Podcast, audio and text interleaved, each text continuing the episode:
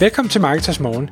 Jeg er Michael Rik. Og jeg er Anders Saustrup. Det her er et kort podcast på cirka 10 minutter, hvor vi tager udgangspunkt i aktuelle tråde fra formet på Marketers.dk. På den måde kan du følge med i, hvad der rører sig inden for affiliate marketing og dermed online marketing generelt.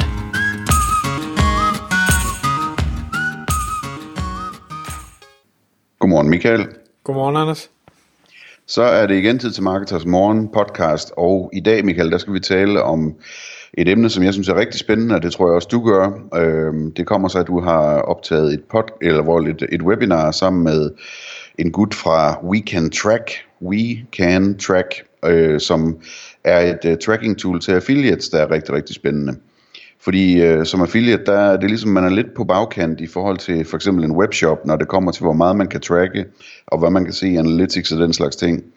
Øh, og det kan de hjælpe med, øh, og vi kommer til at tale om i dag, øh, både hvad, hvad du ligesom har lært omkring den del, og nogle interessante pointer, som kom frem undervejs omkring, hvad man kan med de her data som affiliate, når først man har rigtig godt styr på, øh, hvad der faktisk tjener en penge og så videre. Så kan du prøve at, øh, at lægge lidt op til det, Michael? Altså du, hvem var det, du talte med? Åh oh, ja, jeg tror nok, han hedder Sirio. Uh, men jeg, jeg er ikke helt sikker. Jeg mener, han, øh, han sidder i Holland, og jeg mener også, at han ligesom er stifter af det her We Can Track. Og We Can Track er et relativt uh, nyt øh, selskab, øh, som er, er spundet ud af en øh, hvad hedder det, rabatkode, affiliate øh, forretning, som, øh, som havde lavet den her tracking til sig selv øh, på et tidspunkt, men som øh, hvad hedder det så, øh, synes at produktet det bliver så godt, så det vil de da øh, sælge som selvstændigt produkt ud til, til en masse andre. Øh, og, og det er han så gået i gang med nu, og jeg tror, de har halvanden år på banen eller sådan noget. Det er et, et ret stort setup, altså så det er ikke sådan en, en hjem, lille hjemmebæks en. De har helt sikkert masser af programmører, UX-designer og ting og sager, øh, der hjælper dem. Og, og så bare lige, hvad hedder det, jeg har ikke optaget webinaret endnu. Det jeg havde med ham, det var sådan den indledende dialog, for at jeg lige fik en bedre øh, forståelse af toolet, hvad kan det, og hvad er det så, vi skal have med i, øh, i webinaret. Øhm, men, men vi kom selvfølgelig vidt omkring, og det er derfor, jeg synes, vi skal lige påtale om det nu, fordi det er, er mega spændende, men altså hvis man øh, efter det her podcast synes, det er spændende, jamen, så kan man komme ind og se webinaret. Det bliver optaget her om en uges tid eller noget af den stil, og så udkommer det selvfølgelig først om, om noget længere tid, men altså, så, øh, så kommer det i hvert fald ind på markedet også. Det, der jo selvfølgelig er vigtigt lige at få kridte banen op, det er at sige, affiliate tracking, hvorfor er det, det er så sindssygt vigtigt? Jamen det handler jo, ligesom det er med e-commerce, det handler om at vide, hvad virker, og hvad virker ikke, og hvor, hvor godt øh, virker det, kan det virke bedre. Og, og det kan de med, med det her tool, de arbejder sammen med, jeg synes han sagde 100 forskellige affiliate-netværk worldwide, og det i sig selv, synes jeg jo er en fantastisk udfordring, fordi alle gør det forskelligt.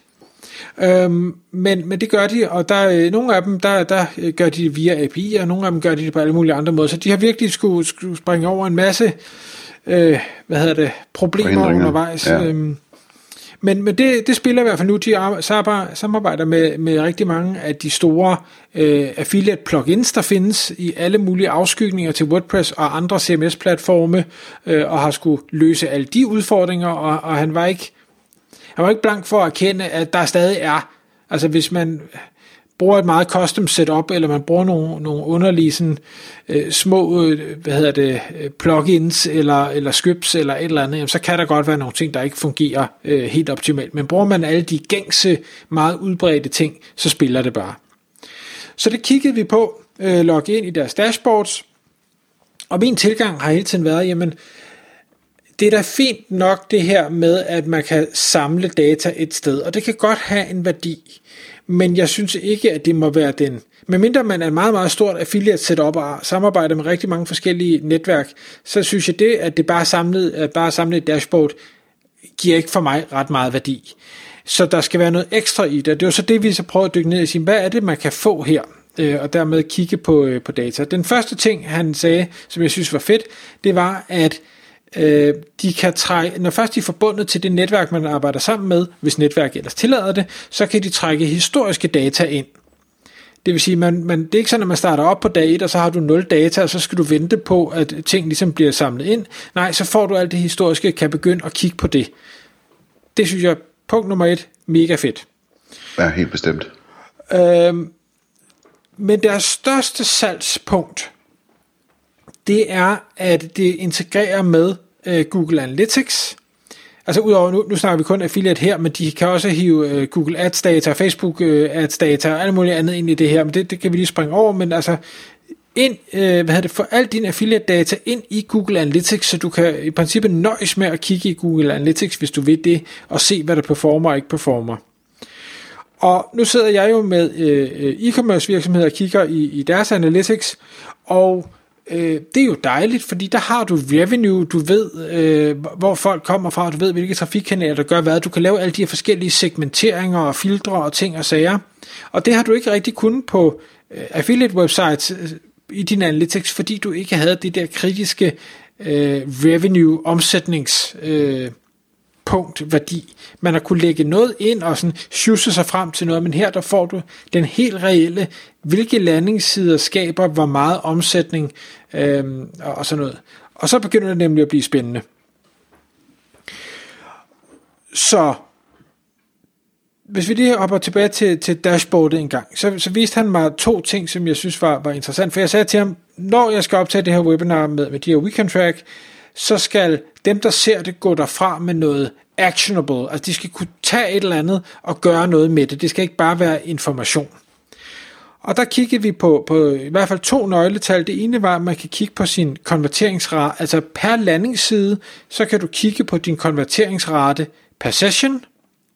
Så hvis der er 100, der besøger hjemmesiden, hvor mange ender så med at købe noget i sidste ende gennem webshoppen, du sender trafikken videre til. Og, eller webshops. Eller webshops, ja. Øh, og den anden er øh, din konverteringsrate per klik, altså ikke per besøg, du får på siden, men per øh, person, du sender videre til shoppen.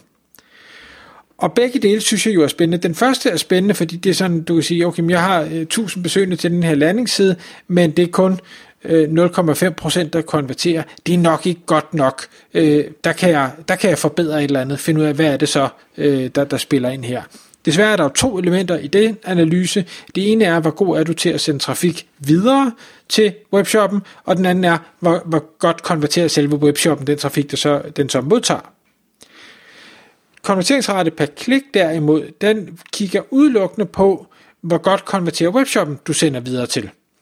Og, og øh, der har de også sådan nogle alerts, man kan sætte op. Jeg ved, der er flere inde i forumet, der har nævnt, at ah, og hvis nu at øh, jeg har lavet en link til et eller andet produkt, og det her produkt pludselig er udsolgt, eller er udgået, eller ikke eksisterer mere, eller hvad, hvad ved jeg, øh, hvordan opdager jeg så det? Og der herinde, der, der, øh, som jeg forstod, der, kommer, der kan du få nogle advarsler, der hedder, hov, nu er din konverteringsrate øh, på det her link pludselig faldet fra 5% til 0%, eller til ingenting procent.